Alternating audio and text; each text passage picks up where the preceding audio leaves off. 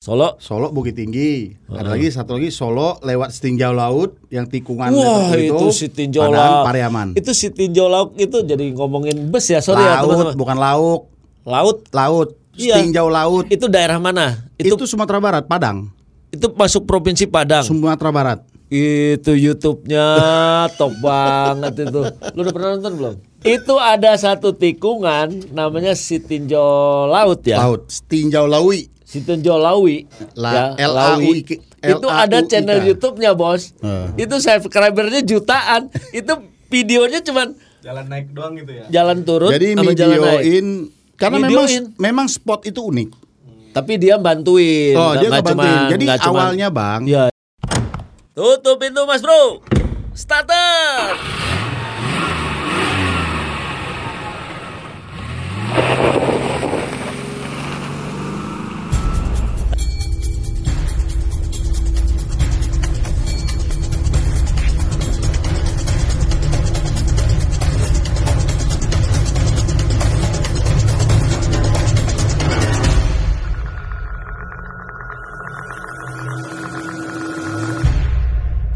Nah, Mas Ani, nah sekarang saya mau tanya-tanya lagi boleh ya? Nah, sekarang ini kebanyakan ya, kebanyakan industri moda transportasi darat atau bus Hmm. itu sudah dihandle sama generasi kedua atau bahkan mungkin ketiga kali ya. Tiga. Istilahnya udah anaknya lah. Ya. Karena setahu saya perusahaan bus ini kan turun temurun ya. Betul. Ayah Kebanyakan. orang- kebanyakan ya, Ya. ayah orang tua yang membuat, yang melahirkan. Nah, sekarang diteruskan oleh generasi kedua, ketiga dan seterusnya. Nah, Ya. pertanyaan saya kira-kira sama generasi kedua atau ketiga ini kan pasti ada bedanya ya. Mau diapain nih industri industri transportasi darat, industri bus ini? Kira-kira mau diapain sama anak-anak muda sekarang? Ya, Apa tantangannya ke depan? ya yang jelas zaman sudah pasti berbeda. Siap.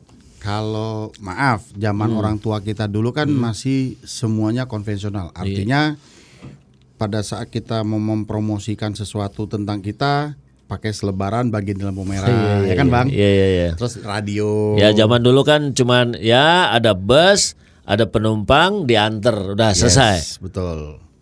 Nah, Cuma itu. Ya. Nah, sekarang di tangan anak muda mau diapain? Mau dikemas ini- apa lagi nih? Nah, sekarang ini dengan berjalannya zaman, Hmm, siapa yang mempunyai konsep, ya. siapa yang bisa membuat satu eh, apa eh, boleh dikatakan pola pelayanan itu yang bisa jalan. Jadi istilahnya sekarang adalah berkelahinya atau persaingannya di soal pelayanan. Yes. Selain kepada penumpang supaya penumpang tetap mau naik bus. Artinya begini, Benar ya? ya. Kalau kita bicara pengusaha, Hmm. beli bus sama-sama bisa kan? Ya, semua bisa. Milih karoseri yang bagus Bisa. sama-sama bisa kan? Ya, Milih chassis yang bagus sama-sama bisa kan? tergantung duitnya. Betul. Milih apa atau milih atau mendapat pembiayaan juga sama-sama bisa. Ya. Namun konsep tadi nggak semua sama. Nah, ini yang menjadi dasar kalau menurut saya dengan Hmm. perubahan zaman. Karena masyarakat itu itu yang saya bilang tadi, masyarakat itu kan semakin cerdas. Karena masyarakat kalau zaman dulu eh, penumpang nunggu bus. Penumpang nunggu bus. Artinya Oh, iya. supply dan demandnya demandnya su- masih lebih besar. Penumpang duduk depan agen, busnya datang, tek naik berangkat. Ya, nah zaman itu karena karena ingin pulang kampung atau karena kebutuhan Iya, iya. dia beli tiket duduk bangku nomor satu begitu bus datang enggak nomor lima iya aja yang penting sampai Oh, iya, hari iya, ini iya. nggak bisa hari ini tidak bisa nah ini pola ini yang terjadi dan pola ini yang harus di di, di apa diterapkan Oke, nah oke. artinya kalau bicara perbedaan sekali lagi saya bilang orang tua kita dulu zamannya berbeda sama zaman kita apalagi kita hari ini sudah era digital ini Iya. sudah tidak bisa dibendung Nah, itu gimana tuh? nah Beli kalau mau naik bus, PO-san, itu apa mesti beli tiket di loketnya Pak dealer itu? Eh, Pak dealer, Pak agen itu. Pak agen. Masih? bisa ke agen Heeh. atau telepon agen kita. Kalau kita nyebut perwakilan ya, bukan Oke, agen ya, iya, perwakilan atau bisa download kita punya sistem eh, di Play Store Heeh. itu namanya Buzz It. B U double Z I T. Buzz B It. U double Z. B U ya, Ya, double butuh Z. uang kan. iya pengusaha di mana-mana butuh uang. B U Z Z. double Z I T. IT. Buzz It. Oh jadi beli tiket sekarang udah pakai Ya. pakai apa istilahnya? Aplikasi. Pa- Aplikasi. Ya, Wah. itu aplikasi yang untuk Sun. Oh ya ya. Ya, Masa Sun- ini saya cerita PO ya, Sun sendiri Sun ya. Hmm. sudah punya aplikasi namanya Buzz It bisa di-download di Play Store. Nah, Oke siap. Sun juga bekerja sama dengan agregator. Ya. Agregator yang kita kerja sama Penyedia kerja sama penyedia itu, untuk ya. pembelian tiket lah Betul, ya ngerti-ngerti saya. Hmm. dengan, dengan Redbus. Nah, pemerintah Kementerian Perhubungan kan juga punya eh, sistem, Hmm. tapi lebih untuk monitoring dan terminal online system, namanya Dipas Digital Passenger. Hmm, Oke oke. Ya, tapi itu belum launch kalau Ya, setahu saya baru buat TOS-nya aja. Dan kalau untuk ma- masyarakat di wilayah Jakarta, Hmm. DKI sudah ada aplikasi namanya Jaket Bus. Jaket bus. Jakarta Tiket Bus. Wah banyak bener aplikasi Ya, naik bus tapi aja itu- bingung ya. kan Bang, di- itulah teknologi Bang. Oh iya harus harus mau diterima. Pintunya banyak, Nggak tapi bisa- mejanya satu. Ya nggak bisa dihindarin bos. Ya, Ah, berarti sekarang istilahnya dari cerita anda berarti sudah ada perkembangan. Jauh. Ternyata sekarang saya juga baru tahu karena sorry nih bos belum pernah naik bus lagi saya. Sombong deh. Saya naik ojek soalnya. Jadi kalau pulang kampung naik ojek. Jadi ternyata sekarang naik bus aja beli tiket udah bisa lewat aplikasi dan ternyata di luar sana banyak aplikasinya. Ya. PO PO bus bahkan bikin Sudah punya aplikasi masing-masing, Nah. udah punya sistem masing-masing. pertanyaan saya. Tunggu dulu, saya nanya dulu sebelum Apa nih? nanya. Ah, ya siap. Apa? Ngabisin antangin berapa biji? Waktu kapan? Naik ojek. Apa pakai balsam? Iya iya iya. Dah terus terus, gue jawab Nggak, aja. Pertanyaan saya konsumennya ya mohon maaf nih ya kan kalau kita ngeliat di TV kan konsumennya konsumen bus nih Ya. kan masih bawa Middle low. Middle low Yes. masih bawa bungkusan Ya, kardus ya. masih bawa karung Ya. nah itu Orang yang berangkat dua yang nganter dua truk eh dua ya, minibus. mau berpisah Ya. berapa tahun Iya, kayak yang haji. nah itu mereka ngerti nggak itu soal aplikasi Ya, jadi dibikin aplikasi bagus canggih tapi penumpangnya atau konsumennya middle low seperti anda bilang nggak ngerti aplikasi jadi gini, Bang Gimana Boy. tuh? Yang harus kita eh, eh, sepakati juga Hmm. segaptek-gapteknya Orang, orang, ya. zaman sekarang ya minimal dari 10 itu saya rasa 8 itu pakai Android. pasti Setuju kan? setuju Nah. itu yang pulang kampung semua pakai handphone Ya, semua ya pakai dari 10 itu 8 pakai Android. Ya. Nah, jadi di situlah yang saya bilang tadi, era digital ini yang harus kita manfaatkan. Hmm. Kita webnya kita maksimalkan, terus sosmed, Facebook, Hmm. Wah, IG, iya, iya. bahkan YouTube Yo, wes untuk informasi, bang, Iya, iya, iya, iya. supaya informasi dan edukasi ke masyarakat itu sampai. Nah minimal, minimal nih, Hmm. bang Koboy, kalau bang Koboy nggak paham kan, anaknya pasti paham karena anak milenial. Oh, iya, Sini dulu nak, coba beliin ayah ini. Beliin tiket nih Kebanyakan kayak gitu. mau ke Bengkulu gitu Itu saya buktikan. Jadi waktu kita pertama mengimplementasi sistem tiketing, Mm-mm. eh, bukan penumpang dulu. Perwakilan kami, agen kami Oh, iya, sendiri, agen dulu. banyak orang-orang tua yang oh iya iya anaknya yang membantu. oh Bahkan ada cucunya. Tolong dulu ini gimana. Ya, ya, diajarin lah Tapi istilah. jadi ngerti juga dia ya bisa. Hari ini eksis. Wah, nah, mantap. penumpang, penumpang ini itu tadi dari edukasi kita. Cara kita mengedukasinya adalah perwakilan atau agen kita Agen ini dulu. yang kita pakaikan. oke penumpang datang Betul. mau Sehingga kan beli manual eh nggak bisa ya, pakai pada- aplikasi bos Nah, nah gitu ya Pada saat Bang Koboy datang, ya kan, saya Bang Koboy tetap telepon. oh, tiket Mas, saya mau berangkat Bengkulu. tanggal sekian, ya kan? Oke, duduk oh, paling siap, depan Koboy. belakang sopir Ya, supaya aman si si perwakilan itu kan dia langsung buka Iya, device iya, kan, iya, iya. kayak smartphone. Oh, baku nomor sekian, oke. Nanti ya waktu berangkat saya bayar ya, siap. Hmm, Waktu datang, Ya. data dimasukin, ya tembak PNR, ya PNR tembak, keluar QR code. betul Itu kalau mau eh, Hmm, apa? ya Bukan cashless, ticketless. iya iya iya Atau kalau mau cetak bisa print. Hmm. Atau kadang-kadang masih banyak penumpang yang tetap pengen ada apa tiket yang ditulis. Ya, yang ditulis. Itu, jadi- Ya, kan nanti diambil sama sama kernetnya kan? Enggak. Enggak kalau zaman dulu Oh iya, dicobek ujungnya. dicobek ujungnya kita dikasih aqua, kasih minum sama roti. Servis. Ya, iya ya, benar. ya, ya, ya. Zaman dulu begitu saya Sama naik Antimo. bus. Ah iya bener Antimo. biar tidur. Nah, jadi kita edukasikan dengan cara seperti itu, Bang. Oh, udah pada masuk saat- ke dunia digital Ya, luar minimal biasa. kan pada saat Bang Koboy datang Ya, ya, ke ya. saya ke se- perwakilan San misalnya Hmm. datang lihat lihat kan saya utak-utik utak-utik minimal kan pengen tahu. Hmm. Dari situ ke belajar. Nah, sistem kita itu Bang Koboy beli beli apa tiket di sistem menggunakan aplikasi Iya, kita. iya. Pilih titiknya di saya, Ya. semua yang menghandle saya. Hmm. Jadi secara bisnis eh, kami dengan perwakilan itu kan mitra Ya. secara bisnis kita tidak mengurangi porsi sharing profit dan segala Hmm. macamnya. Itu sudah secara sistem. Kita memang sudah kita sudah atur sedemikian Oke, rupa oke.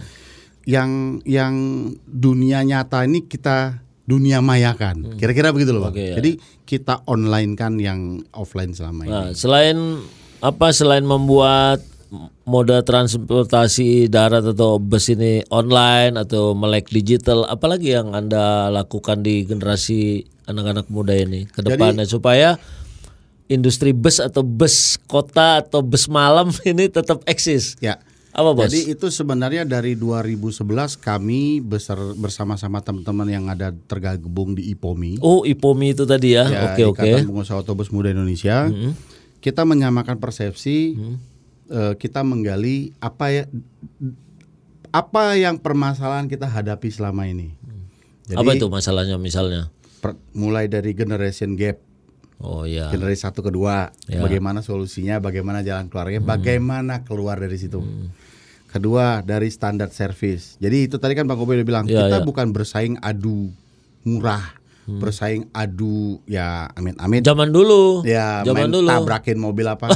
Udah nggak lagi. Zaman dulu Nah, itu. kita adu service. Nah, kita samakan level. Namanya level adu of ser- service, adu service-nya. adu teknologi, Yes. adu pelayanan. Yes. Kira-kira begitu ya. Sekarang di situ ngadunya. Jawabannya apa? Apa? Manajemen. Wah, itu dia. Nah, ini Bang Koboy, Ya, ya. di situlah eh, wadah ini tempat kita sharing bareng. IPOMI itu. Ya, kita sharing bareng. Mana yang sudah sudah apa namanya eh, provide, dia ng- bantu sharing lah. Oke, oke. Karena kan kapasitas masing-masing. Ya, ya, ya. Dan atmosfernya juga masing-masing. Namun paling tidak kan patternnya Aturan mainnya Yes. bisa disepakati semua. Yes. IPOM ini berdiri dari kapan? Boleh 2000 tahu? Kita kita kumpul pertama itu 2011. 2011, oke. 2013 kita launching di eh, terminal Giwangan Jogja.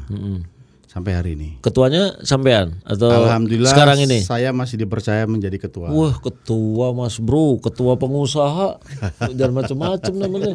Ketua pengusaha, juragan bos, Eh. Wah, Mbak April lewat. gue kenalnya cuma Mbak April hari ini sama sampean, yang lain gue belum kenal gue.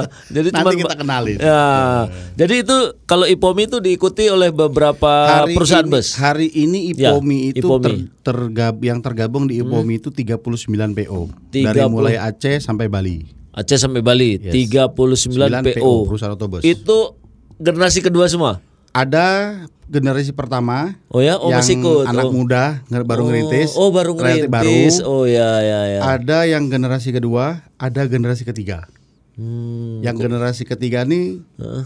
eh, menurut saya Iya. salah satu PO tertua di Pak yang pasti di Indonesia di Sumatera. apa tuh? PO apa tuh? Ada dari Sumatera Barat, PO NPM. Oh, Berdirinya 1937. Masih ada sampai sekarang. Saya kalau taunya bus ke Sumatera itu ALS, doang. ALS. Itu masih ada nggak? Oh, yo eksis. Masih ada masih. Itu, big singkatan one. apa sih sebenarnya? Saya nggak ngerti. Asal lobang sikat. Antar lintas Sumatera. Karena Enggak A- nama PT-nya. Antar lintas Sumatera. Oh itu nama PT-nya. Nama PT-nya. Oh. ALS bukan Alif Lam Syad bukan. Iya iya iya iya iya iya iya. Jadi- Adnan apa tadi tuh? nama lu juga jadinya. Adnan Lesani. Ya, iya, bener. Lu balik nama gue Iya, bang. iya, iya. Jadi jadi Oh. ALS itu eh, Itu terkenal zaman itu, dulu. Itu salah satu legend dari Sumatera Sampai sekarang. yang memiliki trayek terbanyak dan terpanjang. Wah, luar Bisa biasa. bayangin nggak? Itu base campnya di mana tuh? Medan. Medan. ya? Oh, Medan. Bisa bayangin nggak Medan Ya. ke Jember? ada yang ke Bali kalau nggak salah, benar nggak sih? Setahu saya sampai Jember. Oh sampai Banyuwangi. Jember, Banyuwangi. Uset dari ujung ke ujung tuh. Wah LS tuh ada nama perusahaan. Nama perusahaan Oh. Antar Lintas Sumatera. Nah kalau sekarang kalau kalau kita ke Bengkulu, eh, Bukit Tinggi, Kelok 9, Pekanbaru, Peosan. Eh, ada juga nggak masalah lewat situ kan? Enggak. Eh, Kita Peosan nggak lewat situ. San itu dari Bengkulu, Lubuk Linggau, Lubuk Linggau. Jalan Lintas Andalas, Ya, eh, Solo, Solo. Solo Bukit Tinggi. Ada lagi satu lagi Solo lewat Setinjau Laut yang tikungan Wah itu, itu si tinjau Padang, lauk. Pariaman. Itu si tinjau lauk itu jadi ngomongin bus ya sorry ya laut teman-teman. bukan lauk, Laut laut. Iya. Setinjau Laut. itu daerah mana? Itu, Itu Sumatera Barat, Padang. itu masuk provinsi Padang. Sumatera Barat. Itu YouTube-nya top banget itu. Lu udah pernah nonton belum? Wah parah lu. Tanya punya kuota nggak? itu ada satu tikungan namanya si tinjau laut ya. Laut. Setinjau Lawi. Si tinjau lawi. La- ya, L-A-U-I- Lawi.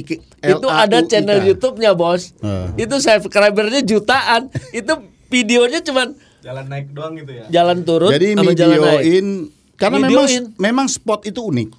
Tapi dia bantuin. Oh, nggak- dia nggak ngebantuin. cuman- Jadi nggak cuman- awalnya Bang, Iya, iya. teman-teman itu anak teman-teman itu Iya. youtuber sana itu Iya. teman-teman itu nongkrong buat ngebantuin Ngerti. ngeganjel Iya, ngerti, betul. jadi nyetopin nahan. ya Kalau ada yang naik awalnya nahan. situ. Ya betul betul. dan memang itu kontur yang sangat sangat eh, Sampai unik. sekarang ya, sampai Iya, sekarang ya. sampai sekarang Peosan lewat terus. kita lewat situ Wah, luar biasa. bus kita yang lewat situ yang enam kali dua malah yang tronton Wah, yang panjang berarti. Ya. Wah, luar biasa. Tapi ya sasisnya merek Eropa ya aman lah dia. Libas terus. Oke, oke. Nah, untuk ke depannya eh kita tahu ini eh, Bro San nih.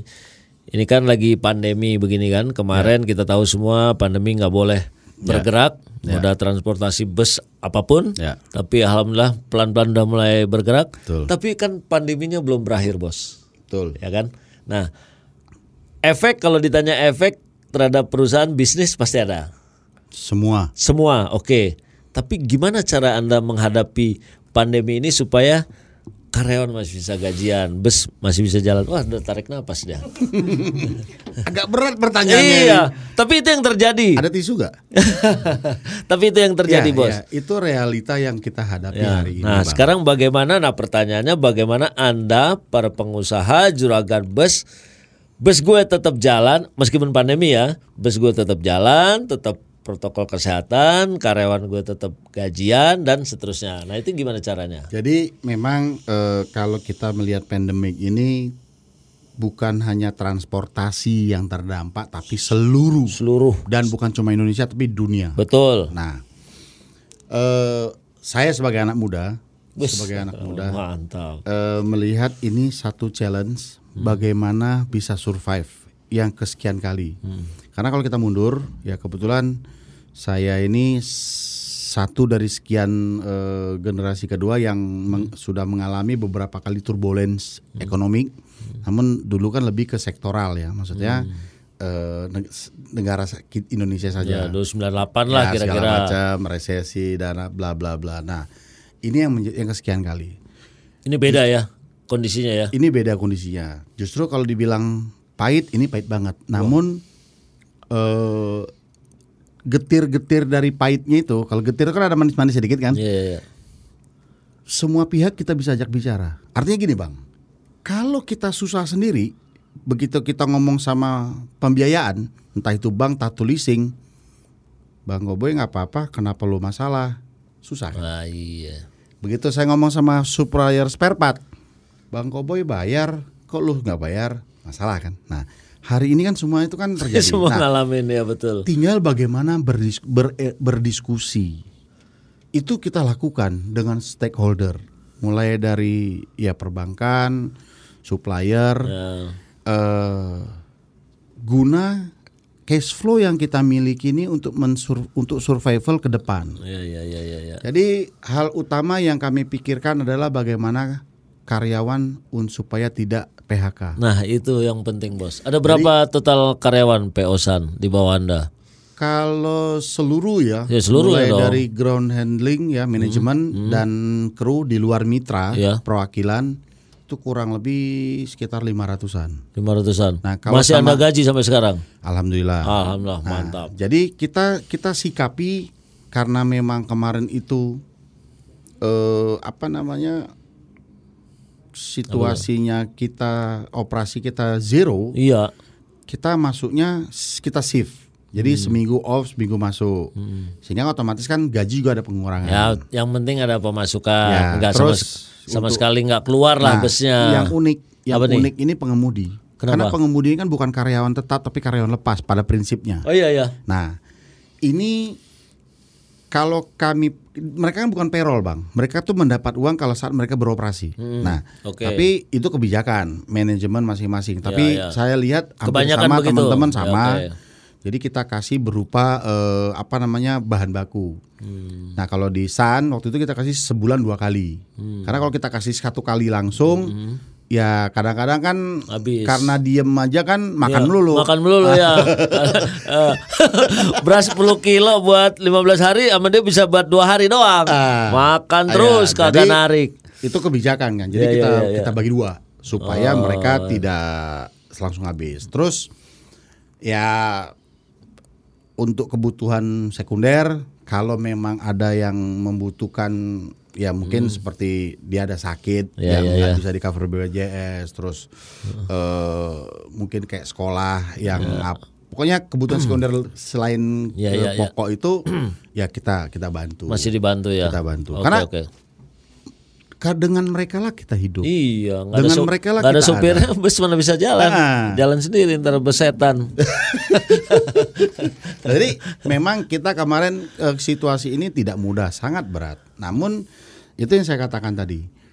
Kalau manajemen itu sudah melakukan eh, pola manajemen profesional dari Ya. se- jauh sebelum pandemik ini, Bismillah, saya optimis dia Iya. akan bisa lepas. Jadi kalau udah bisa mengatasi masalah ini, pandemi selesai, vaksinasi selesai, push.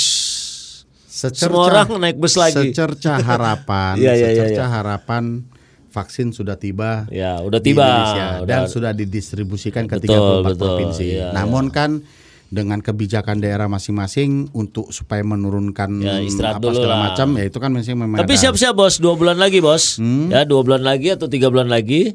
Sekarang bulan Januari, Februari, Maret, April kayaknya kita sudah puasa, betul? Mei, kita sudah lebaran. Berarti di situ adalah waktunya orang pulang kampung atau Yes. naik bus. Jadi gini Bang Koboy, Ya, ini kalau saya bicara dari sisi sebagai seorang pelaku usaha. Kalau gue ngomong pebisnis nanti terlalu sombong Hmm. ya. gitu kan. ketua lah. Iya. yang ditua-tuain. Jadi kalau saya lihat infrastruktur ini, infras dengan grow-nya infrastruktur ini putaran pergerakan ini tidak akan bisa ditahan. Iya bos. Nah, juga perlu saya pertegas di sini, Bang. Apa tuh? Kalau zaman tadi kan Bang Kopi bilang zaman nih. Iya ya. Zaman orang tua dan zaman kita. Iya ya. Zaman orang tua kita dulu, zaman dulu lah ya. Iya ya. Kita ini selalu dihadapkan eh, bersaing bukan apple to apple tapi apple to kesemek. Maksudnya apa? Naik udara, Heeh. ya kan? Ya. Eh, airportnya kayak gitu bagus, dia terbang satu jam nyampe, tiketnya murah, Hmm. ya. Darat, ngadepi pasar tumpah, Iya. ngadepi jalan geronjalan, Iya itu tuh. belum belum belum kelar geronjalnya tikungan, belum selesai nikung tanjakan, infrastruktur. Kan itu problem yang paling besar. Nah, Tapi alhamdulillah kan sudah mulai makanya saya bilang jalan udah rata semua nih bos sekarang terus, nih. terus rel, kereta, Ya, ya, kan, kereta. Karena itu bapaknya jelas, ya kan, Hmm. Republik Indonesia bapaknya kan. Nah, mereka juga eh, bisa subsidi silang atau apa, dia murahkan waktu itu. Nah, dengan infrastruktur jalan darat ini sudah terbuka Hmm. dan lancar, saya atas nama pelaku usaha transportasi darat berbasiskan bus, kami sanggup bersaing. Kenapa? Wow, eh. Jam tempuh sudah mendekati, Bang. Iya, mau dekat apa maksudnya? Mendekati modal lain. Maksudnya gimana sih? Bang Koboy kalau mau ke Semarang, Ya, ya, ya. tinggal di mana?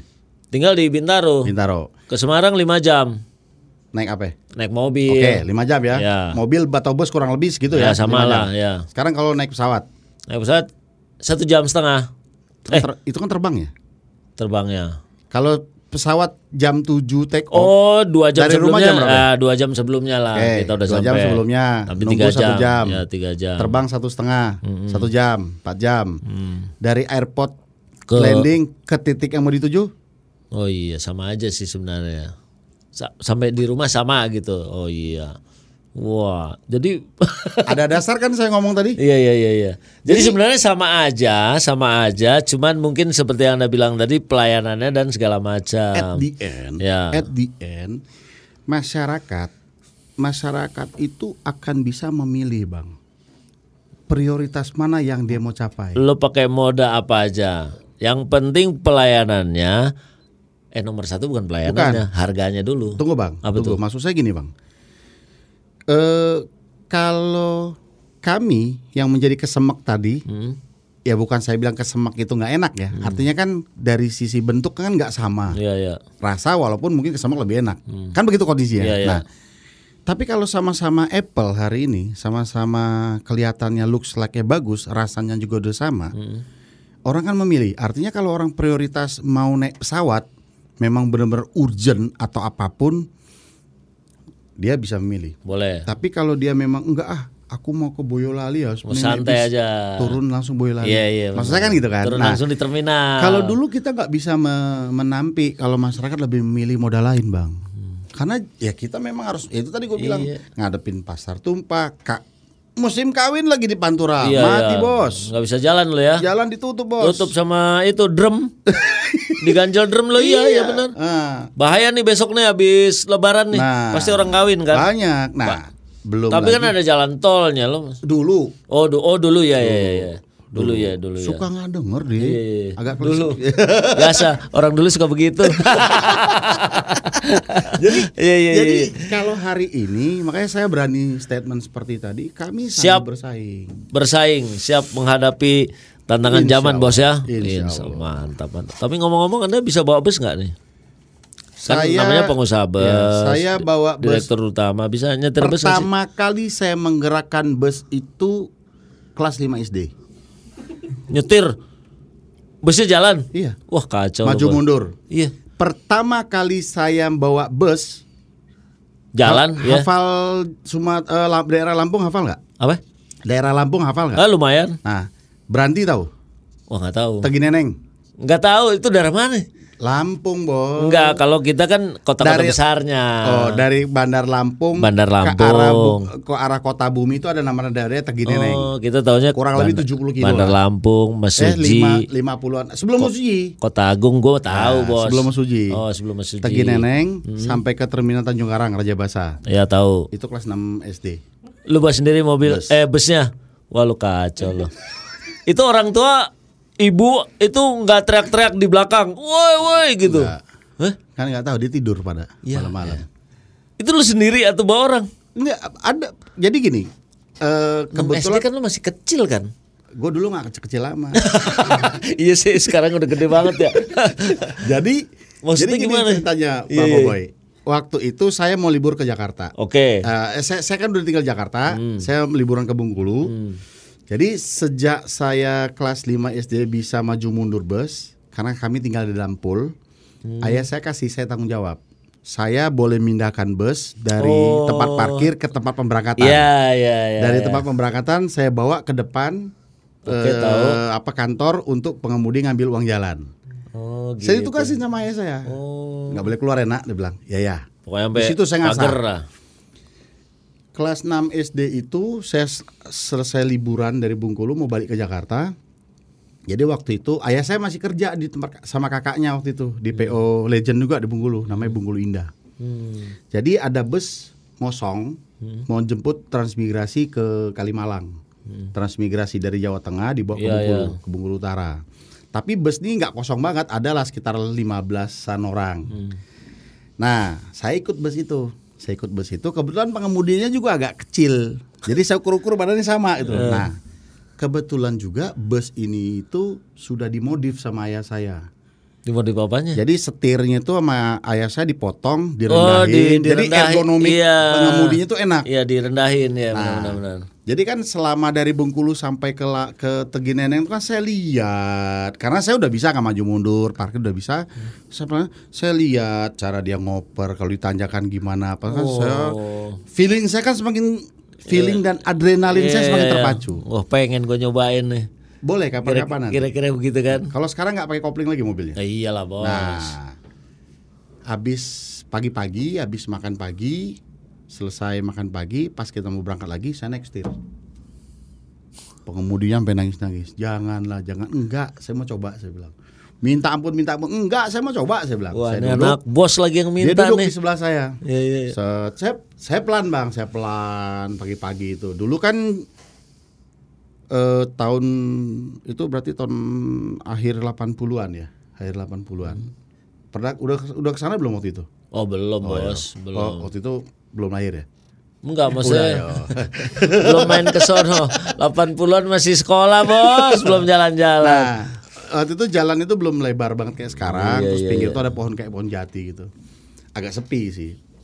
Jadi saya ikutin, ada truk tangki, saya ikutin berapa kilo. Saya kan ngerasain ngeremnya, Oh, ngoper giginya apa. Nah, iya, iya, iya. setelah 10-15 kilo, saya coba salip satu, oh bisa. Sampai terminal Raja Basa. Wah, gila. Singkat cerita, pengurus di Raja Basa itu masih om saya, masih adik sepupunya ayah. Dia lapor ke ayah. Dia ke- pas dia ke Jakarta dia lapor sama ayah. Wah waktu itu gue udah biru, udah, udah putih bos. Diome- Gue udah putih bang. Diome- Hilang darah gue bang. Ya, diomelin lah. Mampus ini. Iya, lu gila lu gesper dari nyampe deh bokap kan zaman dulu kan gesper, lah Gesper, segala macam. Gesper ya. Tapi tahu begitu- aja dia. Begitu ayah saya pulang, eh om saya pulang, ayah saya panggil. Ayah percaya sama kamu, kamu bisa. oh gitu. Tapi syarat kamu belum cukup nak. Ah. Kalau kamu ditabrak, tetap kamu salah. Hmm. Kamu belum belum bisa dihukum. Iya. Yang dihukum ayah. Ya sebagai anak yang sayang orang tua kan, saya nahan diri. Ayah saya bilang satu hari nanti jangankan bus, Apa itu? bapaknya bus pasti kamu bisa bawa. Dia bilang. Ya alhamdulillah hari ini tercapai semua.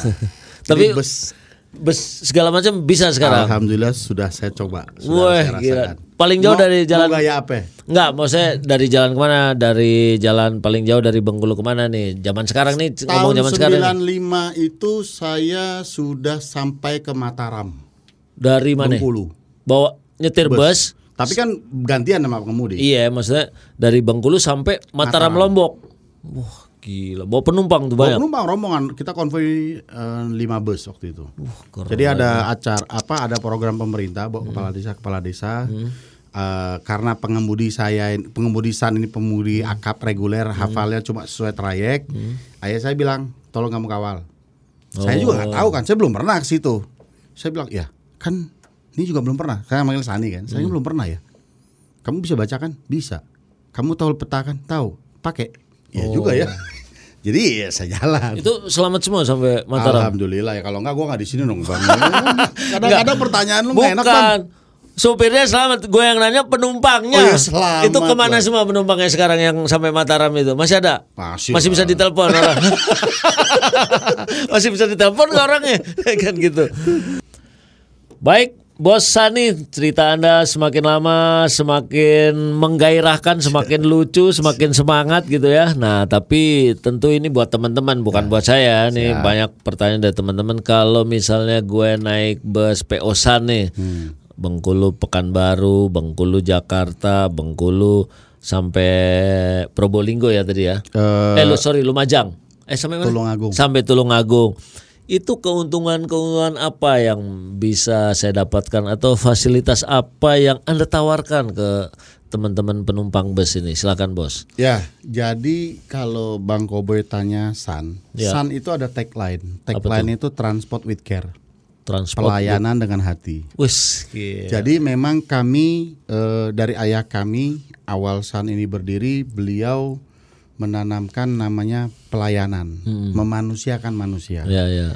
Artinya memang sudah itu itu sudah ada eh, prinsip yang tegas dan menurut saya itu jelas pelanggan adalah raja. Ya, ya. Ya, tapi kan raja ini kan macam-macam. Ada raja kecil, Ya, Ya, kan ada raja kira-kira Jah- begitu. ada raja jahanam. Nah, dan dan ya karena Eh, dia raja arogansi dan segala Eh, macam iya, kan. iya, Nah, iya. Tapi eh, kami mengambil tagline transport with care itu pelayanan dengan hati. Jadi seluruh insan IN-nya kecil, SAN-nya gede, insan. Wah, bisa aja diplesetin. Tetap, tetap san aja bunyinya. Nah, Iya, Iya, iya, iya. iya. Jadi seluruh insan itu memang yang ya hal yang pokok, hal yang dasar itu memang kita eh, tegaskan ke mereka kalau kamu menjadi part of Sun, kamu harus tahu kita ini adalah pelayan. Hmm. Jadi kita tidak pernah menjual oh bus karoseri A, bus dengan sosis B. Tapi orang beli sa- tiket Sun itu Hmm. Iya, iya, dia beli pelayanan Sun. Hmm. Jadi standar of service-nya kita jamin benar-benar pelanggan itu sudah mendapatkan pelayanan baik. Kalau kita bisa bicara standar kendaraan, terutama pada saat pandemik ini, kita saya rasa hampir sama seluruh PO. Ini tapi masih jalan ini. Pandemi Jalan, ini alhamdulillah jalan. rute mana yang masih semua rute Oh, semua rute jalan semua ya. jalan. Nah, oh, udah nggak udah nggak terlalu di pembatasan lagi enggak ya? Ya, nah, Oh, protokol kesehatan, protokol kesehatan ditegakkan. nomor satu. Itu udah pasti dan masyarakat sudah sadar akan itu, Bang. Masyarakat Sebelum naik bus disemprot. Enggak, Oh, diapain? mereka sudah punya eh, hand sanitizer Oh, sendiri. Pak sendiri. Gue pikir naik bus, semprotin dulu. Busnya naik bus semprot. kuyup. Busnya oh, kita busnya disemprot. Disinfektan. Iya, iya, ngerti fogging. ngerti. Nah, kita ada bus terbaru yang insya Allah baru mau beroperasi di Januari ini, baru kemarin eh, Desember akhir keluar. Oh ya? Itu sudah kita pasangkan device namanya disinfection, eh, purification and disinfection system. Maksudnya gimana tuh? Jadi itu alat Ya. yang mengeluarkan mengionisasi Oh, udara air dan ada Air air purification and disinfection system. purifier. Nah, Ah. dia lebih ke kayak eh, si, apa sinar apa Iya, iya, iya. UV. Iya, iya. Tapi itu alat itu kita um, kita taruh di dalam inlet AC. Jadi udara yang disedot Iya. sebelum dihembuskan ulang sama AC dia di di, di, di- Iya, iya. diinfeksi. kayak Apa? ionisasi lah. Ah, diionisasi Ya, dalam itu. untuk Nah, menjaga itu sirkulasi salah udara. satu. Nah, oh, tapi gitu sekarang. ya, tapi eh, kembali lagi, apalah artinya teknologi, apalah artinya device kalau si SDM-nya yang tidak mumpuni. Jadi memang eh, untuk menjadi karyawan San, terutama kru, itu ada lima hal yang tidak bisa ditawar. apa tuh bang? Satu akhlak, Akhlak, dua disiplin, ya, tiga eh, rasa memiliki, ya. Ke- eh, keempat alak disiplin rasa memiliki loyalitas ya. dan tanggung jawab Kok singkatannya bukan insan ya? artinya alak. Kenapa Iya, iya, dibutuhkan iya, iya, alak? 30 bangku di dalam bus 30 macam orang. 30 macam problematika 30 macam romantika. Disiplin tentu dong. Iya, harus disiplin dengan aturan perusahaan aturan jalan raya pemerintah dan segala macam. Tanggung jawab mereka harus bisa mempresentasikan mempertanggungjawabkan begitu bus itu keluar dari Hmm. pool bus itu adalah men- di bawah ke penguasaan kamu. Mantap. ya kan? Loyalitas pasti. Kalau dia tidak memiliki jiwa loyalty yang tinggi bagaimana dia bisa menjadi profesional yang baik? Siap, siap, tanggung siap. jawab di situlah tanggung jawabnya Iya. kalau mereka tidak bisa bertanggung jawab atas dirinya bagaimana dia mau bisa bertanggung jawab Iya. ke keluarganya apalagi ke pelanggan Bawa penumpang banyak. Betul. Kayaknya kita mesti cobain busnya. Mau nggak bos? Dari Jakarta Bengkulu. Bengkulu, jangan Sumatera. Lu menginjak lambung juga udah Sumatera bos. Maksudnya Bengkulu. Bengkulu. Lu udah pernah lewat Pantai Krui belum? Ah kurang jalan-jalan ini bos. Tapi bos, sorry, Hmm. boleh nggak? Kan lu bawa handphone nih. Saya mau lihat busnya kayak gimana sih. Terus terang gue belum tahu busnya. Bus PO San tuh kayak kayak gimana ya bentuknya? gue ya? tersinggung nih Maksudnya? kalau sampai nggak pernah tahu bus gue Kan bus lu bus Bengkulu, Bos. Kita di sini kan nggak pernah ke Bengkulu. Saya tahu, tapi jangan salah, Bos. Saya tahu rumah Soekarno. oh Bengkulu. Oh, iya, Saya iya, iya. tahu rumahnya Ibu Fatmawati. Oh, iya, iya, penjahit betul, bendera iya. merah putih. Saya tahu Taman Rafflesia. oh iya, iya. Saya pernah ke Benteng. Benteng apa namanya, Bos? Port of Malbor Port of Marlborough. Port Ah. of Malbor Nah gitu dah. Itu saya pernah ke sono bos ke Bengkulu saya pernah panasnya tapi bos ini bus yang baru terakhir kemarin keluar bus baru ya keluar maksudnya baru yang mau beroperasi dalam minggu depan. oh ini di mana nanti? Ini Pasir Pangarayan Tulungagung. Pasir Pangaran Tulung Agung. Ya. Ini single deck, eh, high deck, Super high deck. super high deck maksudnya gimana tuh? Dia single kabinnya single tapi eh, space space bagasi besar. Oh bisa muat motor, mobil di situ Yes. bisa ya? Mobil motor, mobil-mobilan. Enggak waktu pameran itu, pameran di Gias. Gias, Nah. itu kan ada bagasinya masukin mobil. Betul, itu itu custom. Iya, oke, wah keren sekali ya. Kayaknya karena kayaknya teman-teman kalau anda penasaran dengan PO San, silahkan buat teman-teman terutama yang mau ke Bengkulu, Pekanbaru, Padang, Ya. Bukit Tinggi. Ya. Nah, ketemu sama bapak yang satu ini. Oke, oke, Mas Bro, terima Siap. kasih ya atas Siap, waktunya ya. Thank Semoga sukses selalu. Yang penting industri transportasi, industri bus jalan terus. Protokol kesehatan nomor satu, Siap. penumpang nomor dua supaya banyak duit masuk. Jadi tetap bisnis tetap jalan. Amin. Amin. Oke. Terima kasih teman-teman sudah nonton podcast Bang Koboy. Sampai ketemu lagi di podcast berikutnya dengan tema-tema atau narasumber yang tidak kalah menarik. Wassalamualaikum warahmatullahi wabarakatuh. Waalaikumsalam. Tutup pintu Mas Bro. Starter.